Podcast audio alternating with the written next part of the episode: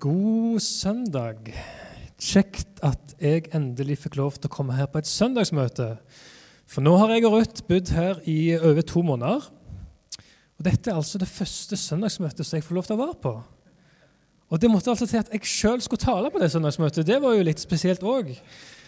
Men så er det jo ikke sånn at jeg ikke har hatt lyst til å være her tidligere. Men det er fordi at den jobben jeg har, vet du, så er jeg jo ofte rundt forbi. Og søndagen det er blitt en veldig eh, travel dag. Men det er godt å være her. Er godt å synge i lag. Og eh, det er godt å bo i Ølensvåg. Det har jeg lyst til å starte med å si. Og Rødt Ruth har vært her. Hun har vært her en gang når jeg ikke var her, ja. Og så må jeg ta med det at uh, når jeg er så heldig at jeg er gift med ei fra Bolivia, så uh, så har jeg det at jeg får lov til å reise litt, ikke bare i, i Norge, men også i utlandet. Så du vet, Hun måtte ha et nytt pass, og det måtte vi helt til Spania for at hun skulle få et nytt pass. Jeg kunne ikke kjøre inn til lensmannskontoret her inne vet du, for å ordne det, men vi måtte helt til Spania. Og tenkte herlighet, skal bruke så mye penger på reising og overnatting. Ja, da skal vi iallfall ha litt ferie. Så vi hadde der seks, seks dager hadde vi i Spania. Og etter seks dager med 20 grader og sol og vi er på vei tar bussen tilbake til flyplassen, og så sier jeg til Ruth åh, det hadde vært godt med ei uke til her nede. sant? Vet du hva hun sa?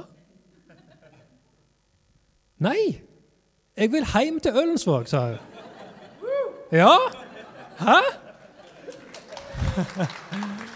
Så det er veldig kjekt for meg. Jeg har jo bodd her før, vet du, sant? men det er kjekt når hun òg er kommet der, at dette er en fin plass, en god plass å bo.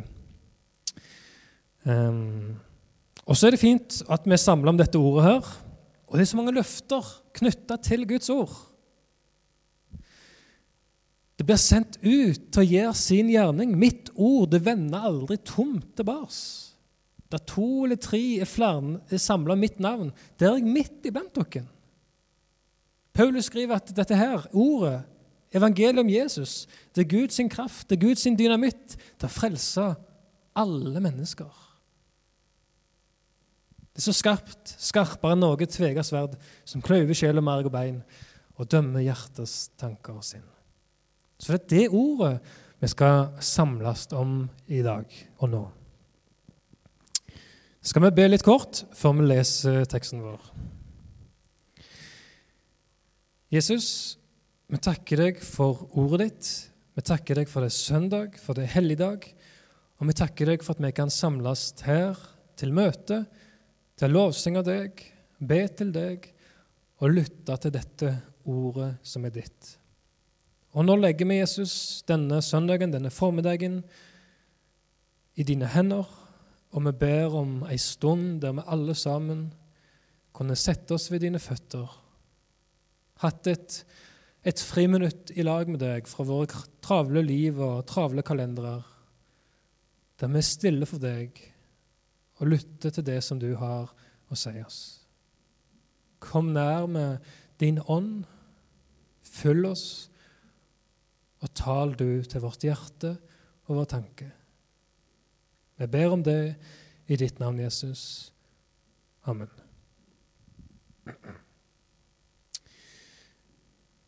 Jesaja 63.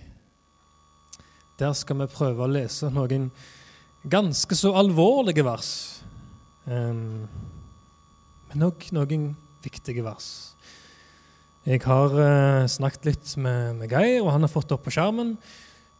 Bokmål, som du ser. Det er fordi det jeg har, så da ble det sånn i dag. Vi leser i Jesu navn.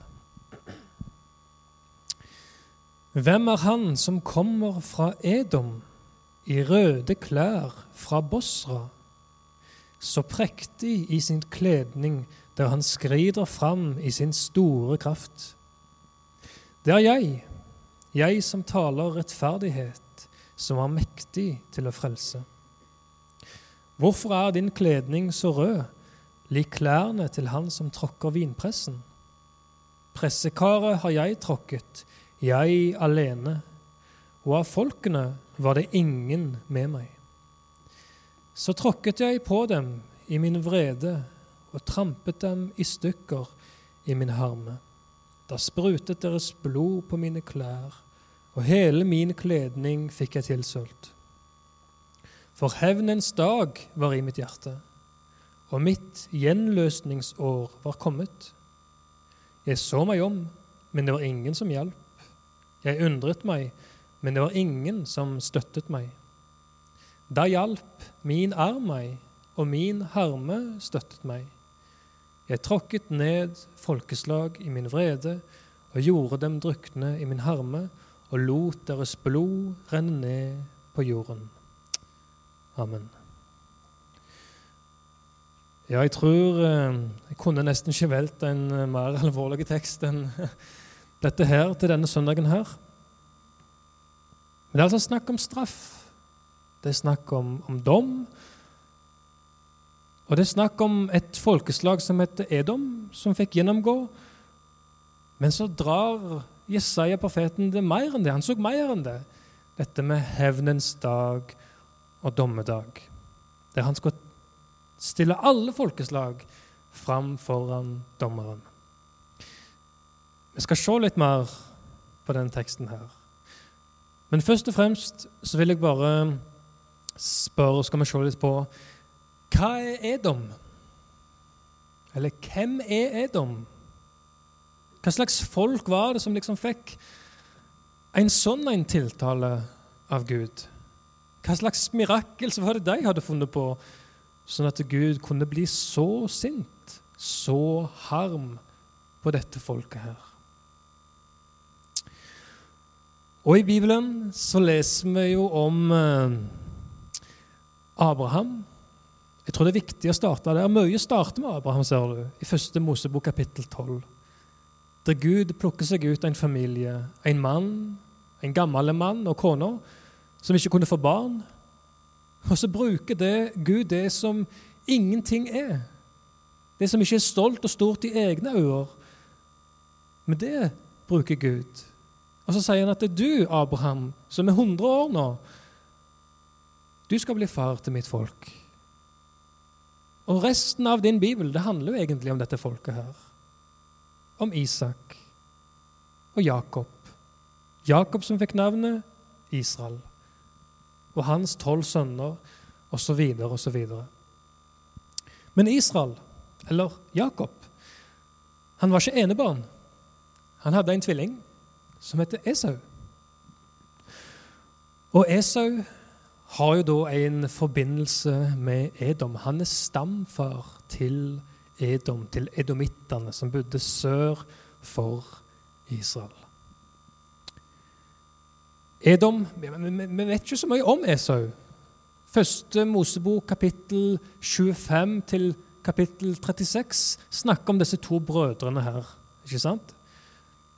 Men nesten alt sammen handler jo om eh, om, om Jakob, om Israel. Veldig lite om, om Esau.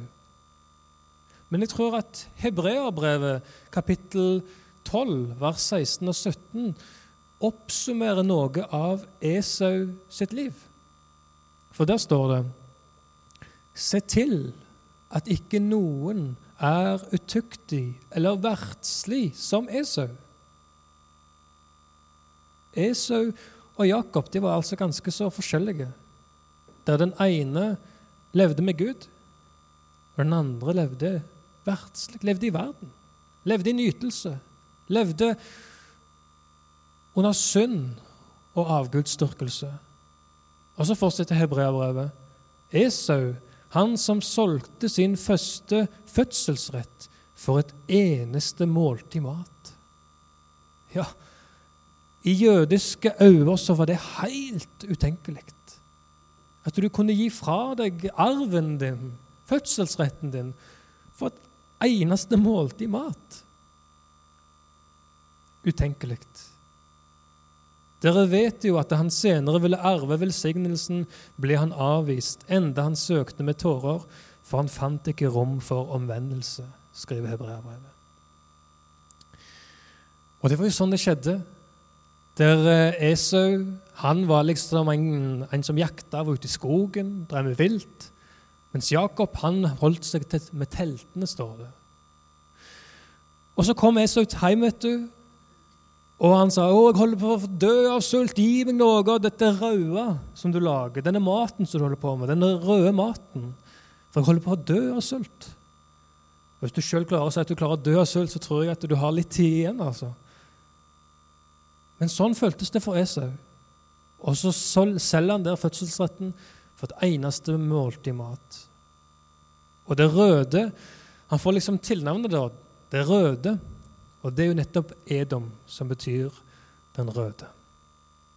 Og så kjenner vi til, Du kjenner sikkert til historien. Det er jo en, eh, kjent for, for de minste òg, dette her.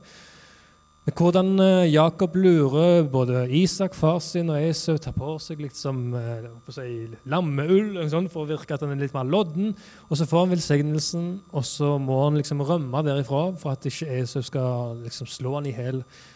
Og så er han lenge hos Laban. Sant? Tjener både for Lea og Rakel og er der i mange år. Men hva skjedde da med, med Esau? Jo, vi leser i 1. Mosebok 26, 34-35 at da Esau var 40 år, tok han til koner Judith, datter til hetitten Beri, og Basmat, datter til hetitten Elon. Men de ble en hjertesorg for Isak og Rebekka. Der Jakob på en måte gikk tilbake og, og søkte liksom, jeg nesten en slektning eller noen som tjente mer eller mindre den samme Gud, eller hadde kunnskap til den levende Gud, så gikk Esau til hedningene. Og så fant seg hedningekvinner.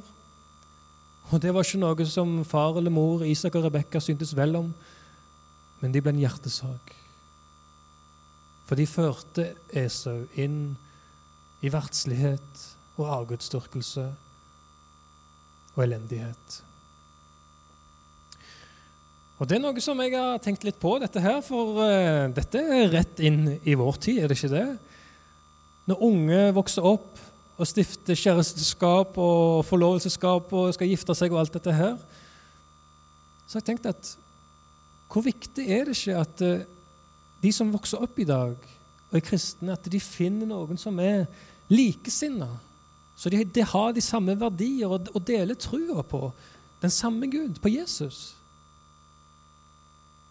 Jeg tror du kan være spart for mange håper jeg, lidelser og tunge tider hvis du klarer å finne noen som tror på det samme som deg.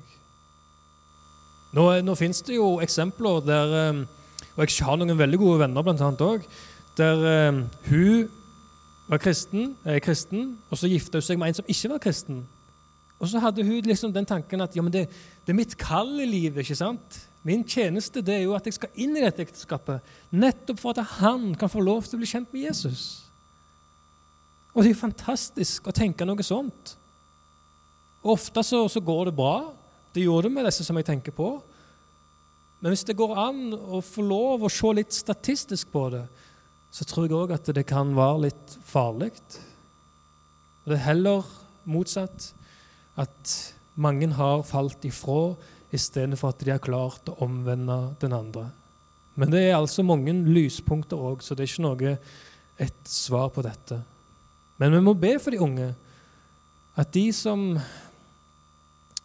får kjæreste og alt dette her, at de klarer å finne noen som de kan dele livet med, som tror på det samme som deg.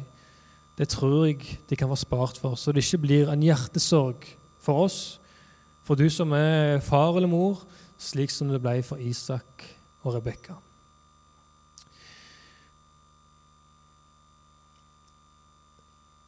Jakob kom tilbake igjen.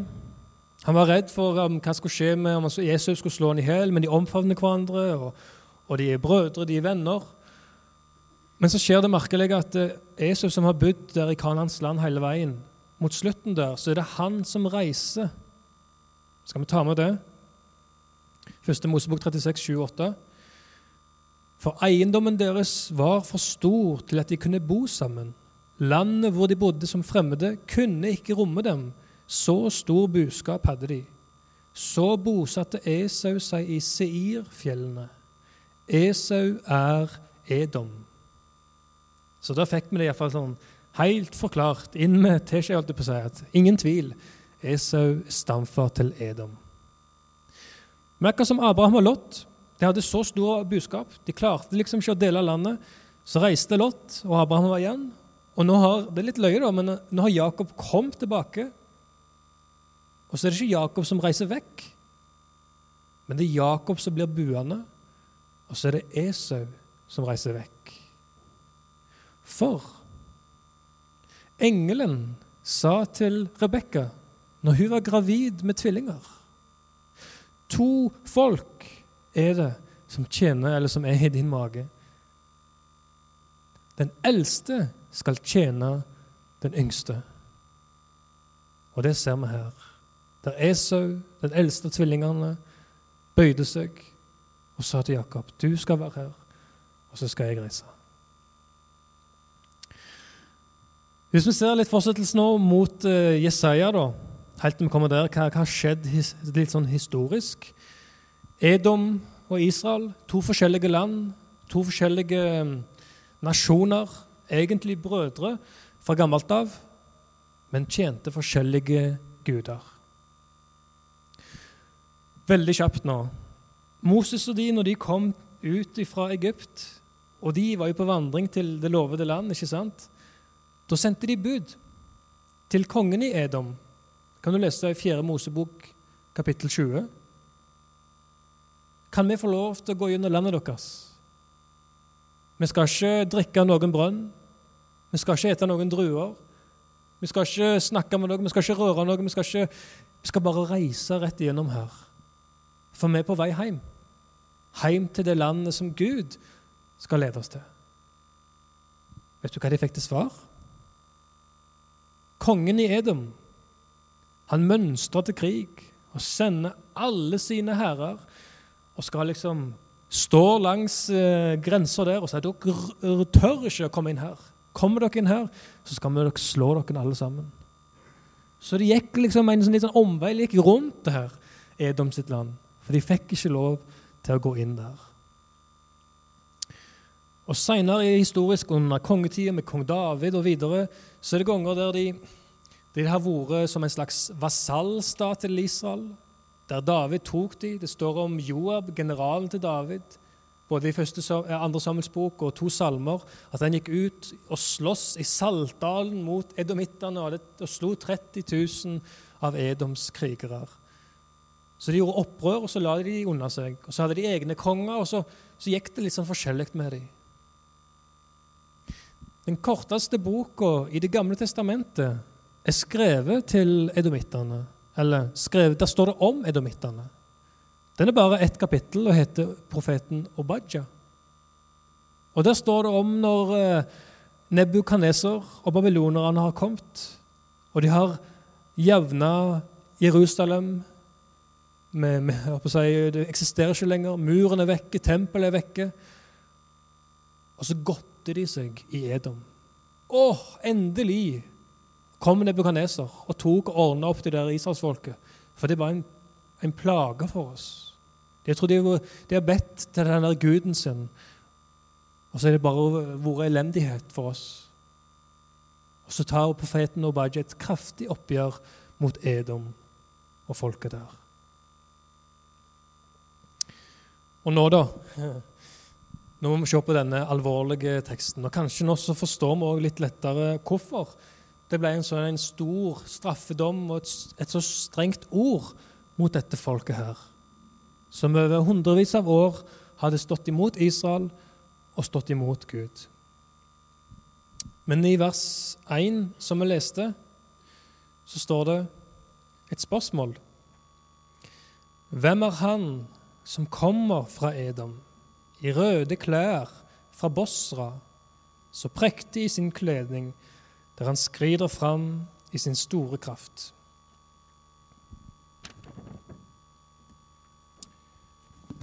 Her hører vi om en mann som kommer sørfra, sør fra Israel, fra Edom, fra Bosra. Og så skal du merke deg at uh, Jesaja, når han fortsetter her, så, så virker det ikke som at det er en hvilken som helst mann. Det er en veldig spesiell mann, dette her. For han er kledd i prektige klær.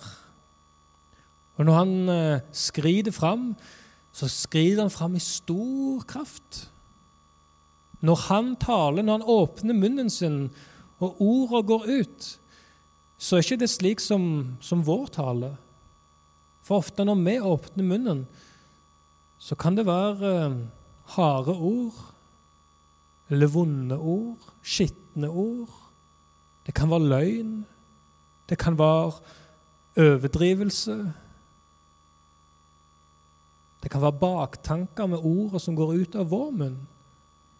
Men når denne mannen taler, så står det at han taler rettferdighet. Han taler sannhet. Og så er han mektig. Han er så mektig at han kan frelse alle mennesker. Og denne kledningen som var så prektig, den er farga rød. Akkurat som en person som har tråkka vinpressen.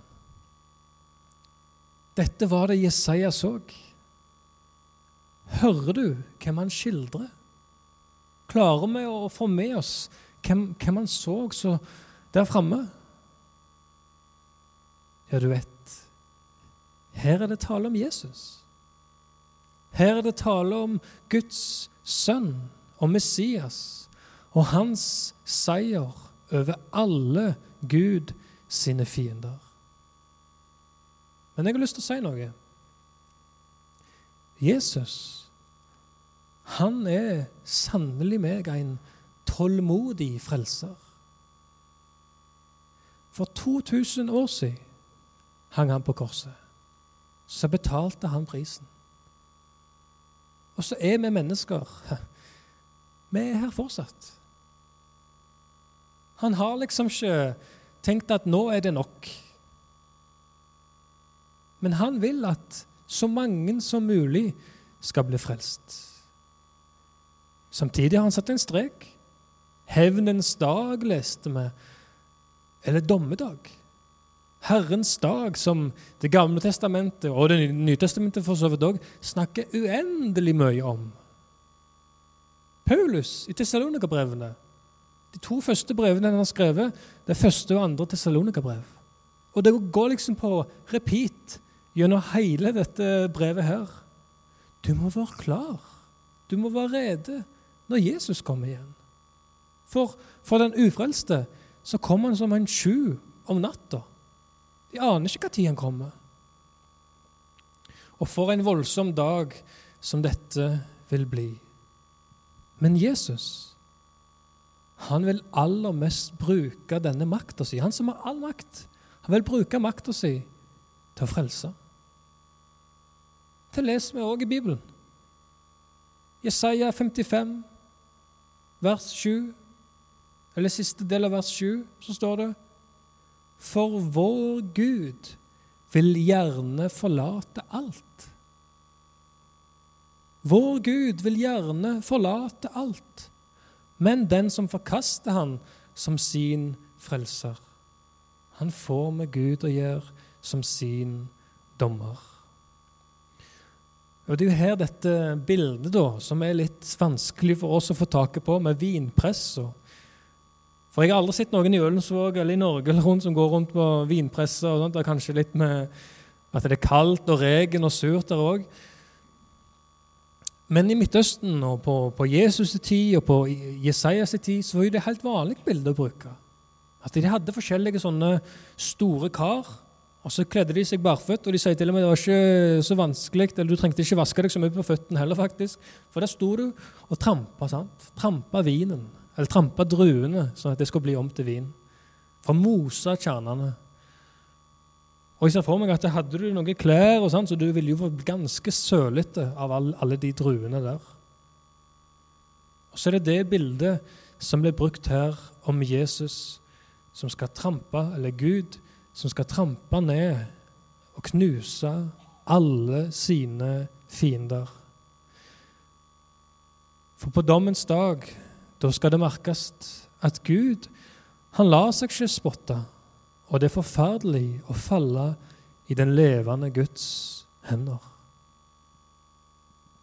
For oss som tror på Jesus, for oss som er frelst, så er det jo fantastisk å møte Jesus igjen når han kommer for å hente sine hjem. Men tenk på den dagen der, når Jesus kommer. Det som er glede for oss, det vil være redsel og frykt for alle de som ikke har tatt imot. Så vanvittig står det altså at de ufrelste de vil springe opp i fjellene, rope til fjellene. Fall over oss og skjul oss. Ja, det er bedre å springe opp til Kåtanuten og rope til Kåtanuten om, om jordskred og, og, steiner som skal dette ned og hoppe seg over hodet ditt og begrave deg, enn å stå ansikt til ansikt med den rene og levende Gud. Det var ingen som hjalp, ingen som støttet meg. Aleine vant Jesus seieren på Golgata, og alene så vinner han òg på den aller siste dag.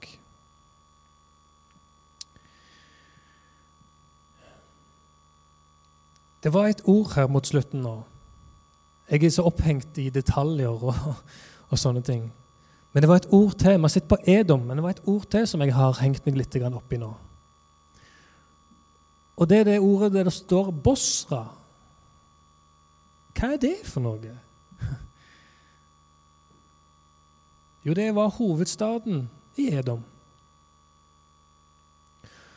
Og Bosra det var en veldig spesiell by. Den var bygd høyt oppe på et platå der i Seirfjella.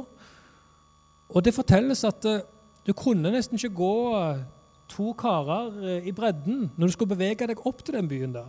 For det var såpass strabasiøst opp gjennom fjellsida, så vanskelig å ta seg fram at det var, det var dårlig plass. Du måtte liksom passe så du ikke datt ut forbi. Og helt på toppen der hadde de altså lagd en by, hovedstad, Bosra. Og Bosra, det betyr ugjennomtrengelig eller utilgjengelig.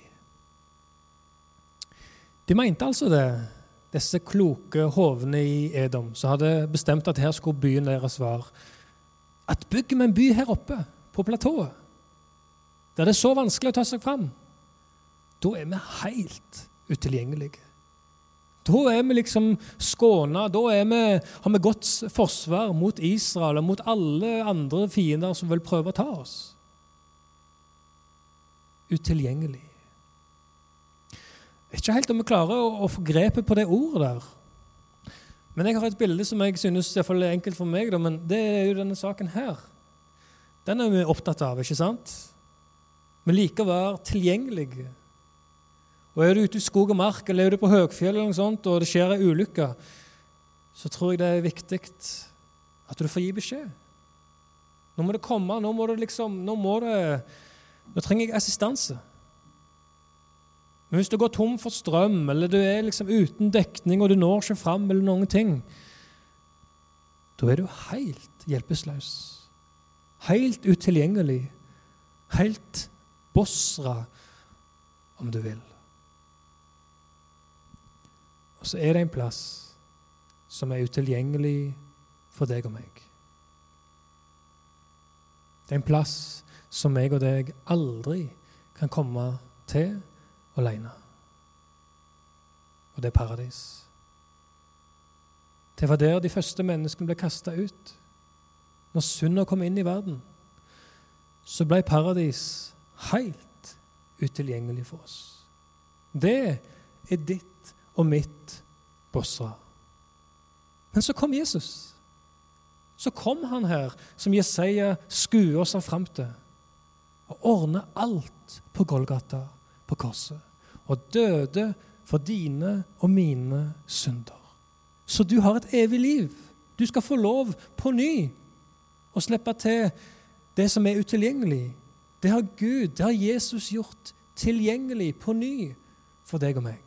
Så vi får lov til å slippe inn i det nye himmel og nye jord på grunn av Jesus og det som han har gjort.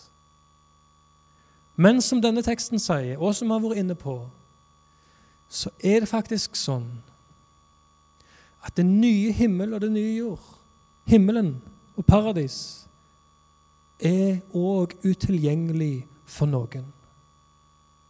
Det er utilgjengelig for alle de som går fortapt, sier Bibelen.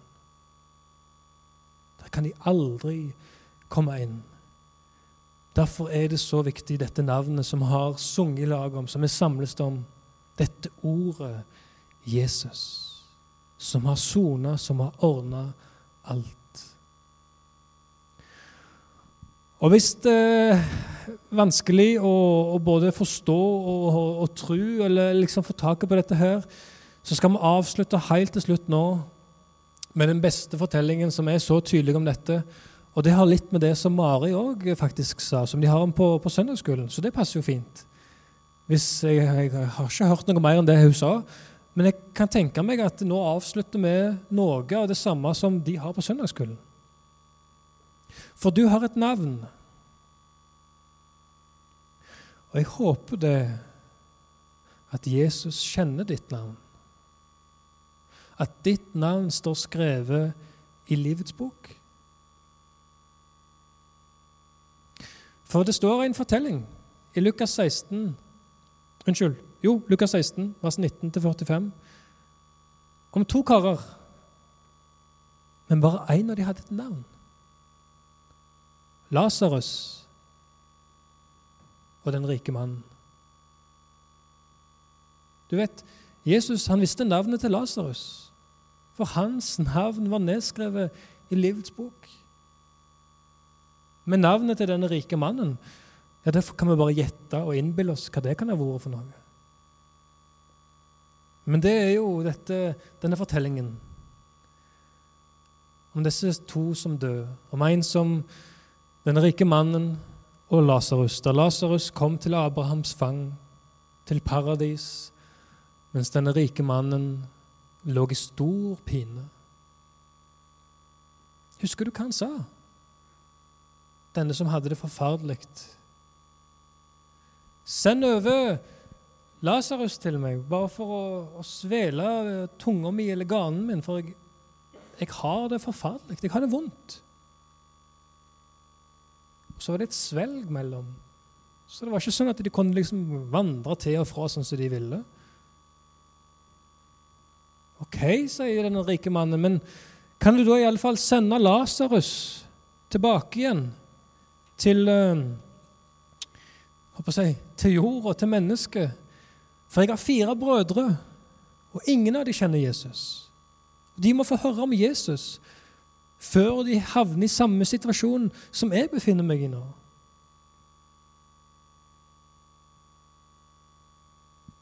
Fikk Lasarus lov til å stå opp fra de døde og vitne og fortelle om hva som hadde skjedd, og hvor viktig det er å tro på Jesus? Han fikk det svar.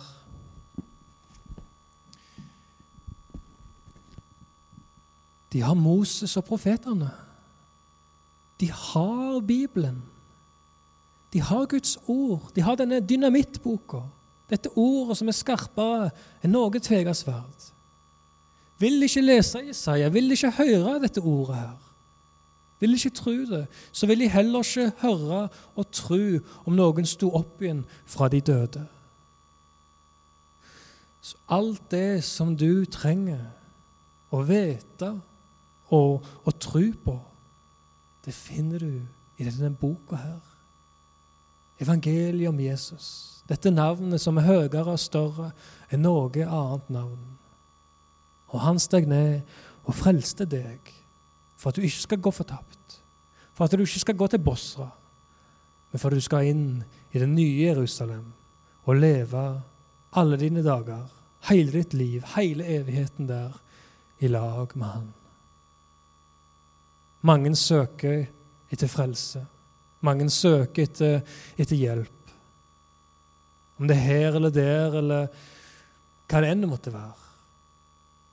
Og så sier Bibelen det finnes intet annet navn blant mennesker, gitt oss under himmelen, som vi kan bli frelst ved.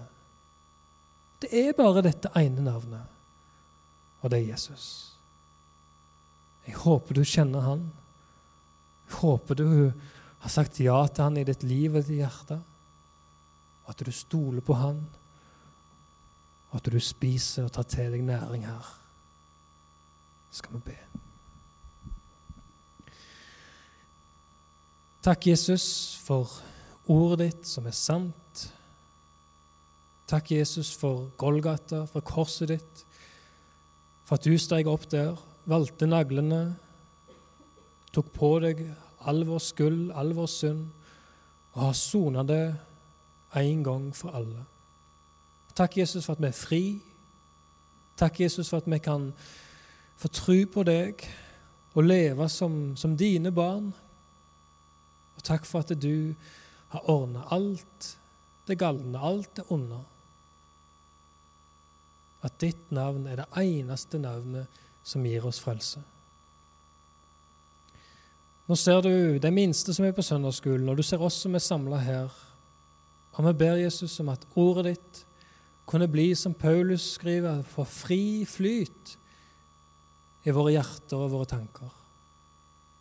At du må åpenbare deg for oss, at vi kan leve tett og nært til deg, på din vei, på det som du har gjort, og at vi ikke ledes enn til Bosra og fortapelsen Jesus. Men vi har et navn, et navn som du vet om, og som vi ber om at vi fortsatt skal bli stående i livets bok, og når, du, når vi lukker våre øyne og drar herifra, eller om du kommer igjen og henter oss hjem, så skal vi være i paradis, i lag med deg, i all evighet. Ber for forsamlingen, ber for bygda og bygdene rundt. Vi ber om vekkelse. Vi ber om at du skal bli det viktigste vi har, og at evangeliet ditt kan få første prioritet i hjerter og livet. I ditt navn, Jesus, så takker vi og priser deg. Amen.